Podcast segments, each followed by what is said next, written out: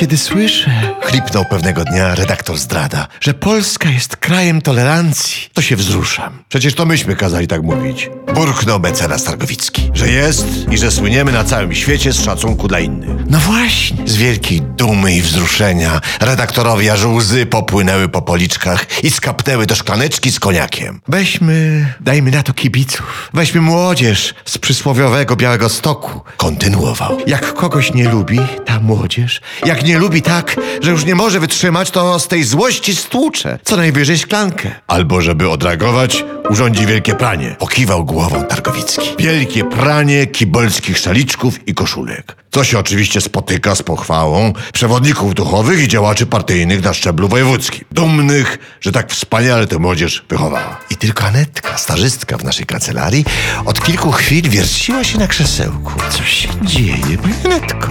Zauważył to wreszcie redaktor zdrada. No, no bo właśnie piszą na świecie, prędziutko odpowiedziała Anetka, że im się ta nasza wspaniała tolerancja nie podoba. Co? Oburzył się Targowicki. Nas będą instruować. Wściekł się również zdrada. A więc to już postanowione. W kwestii tolerancji nic nas nie powstrzyma. Będziemy bić wszelkie rekordy. Jak nas nauczył wiadomo kto. A jeśli to się komuś nie podoba, dostanie klapsa. Taką gruszkę. Starożytny symbol miłości.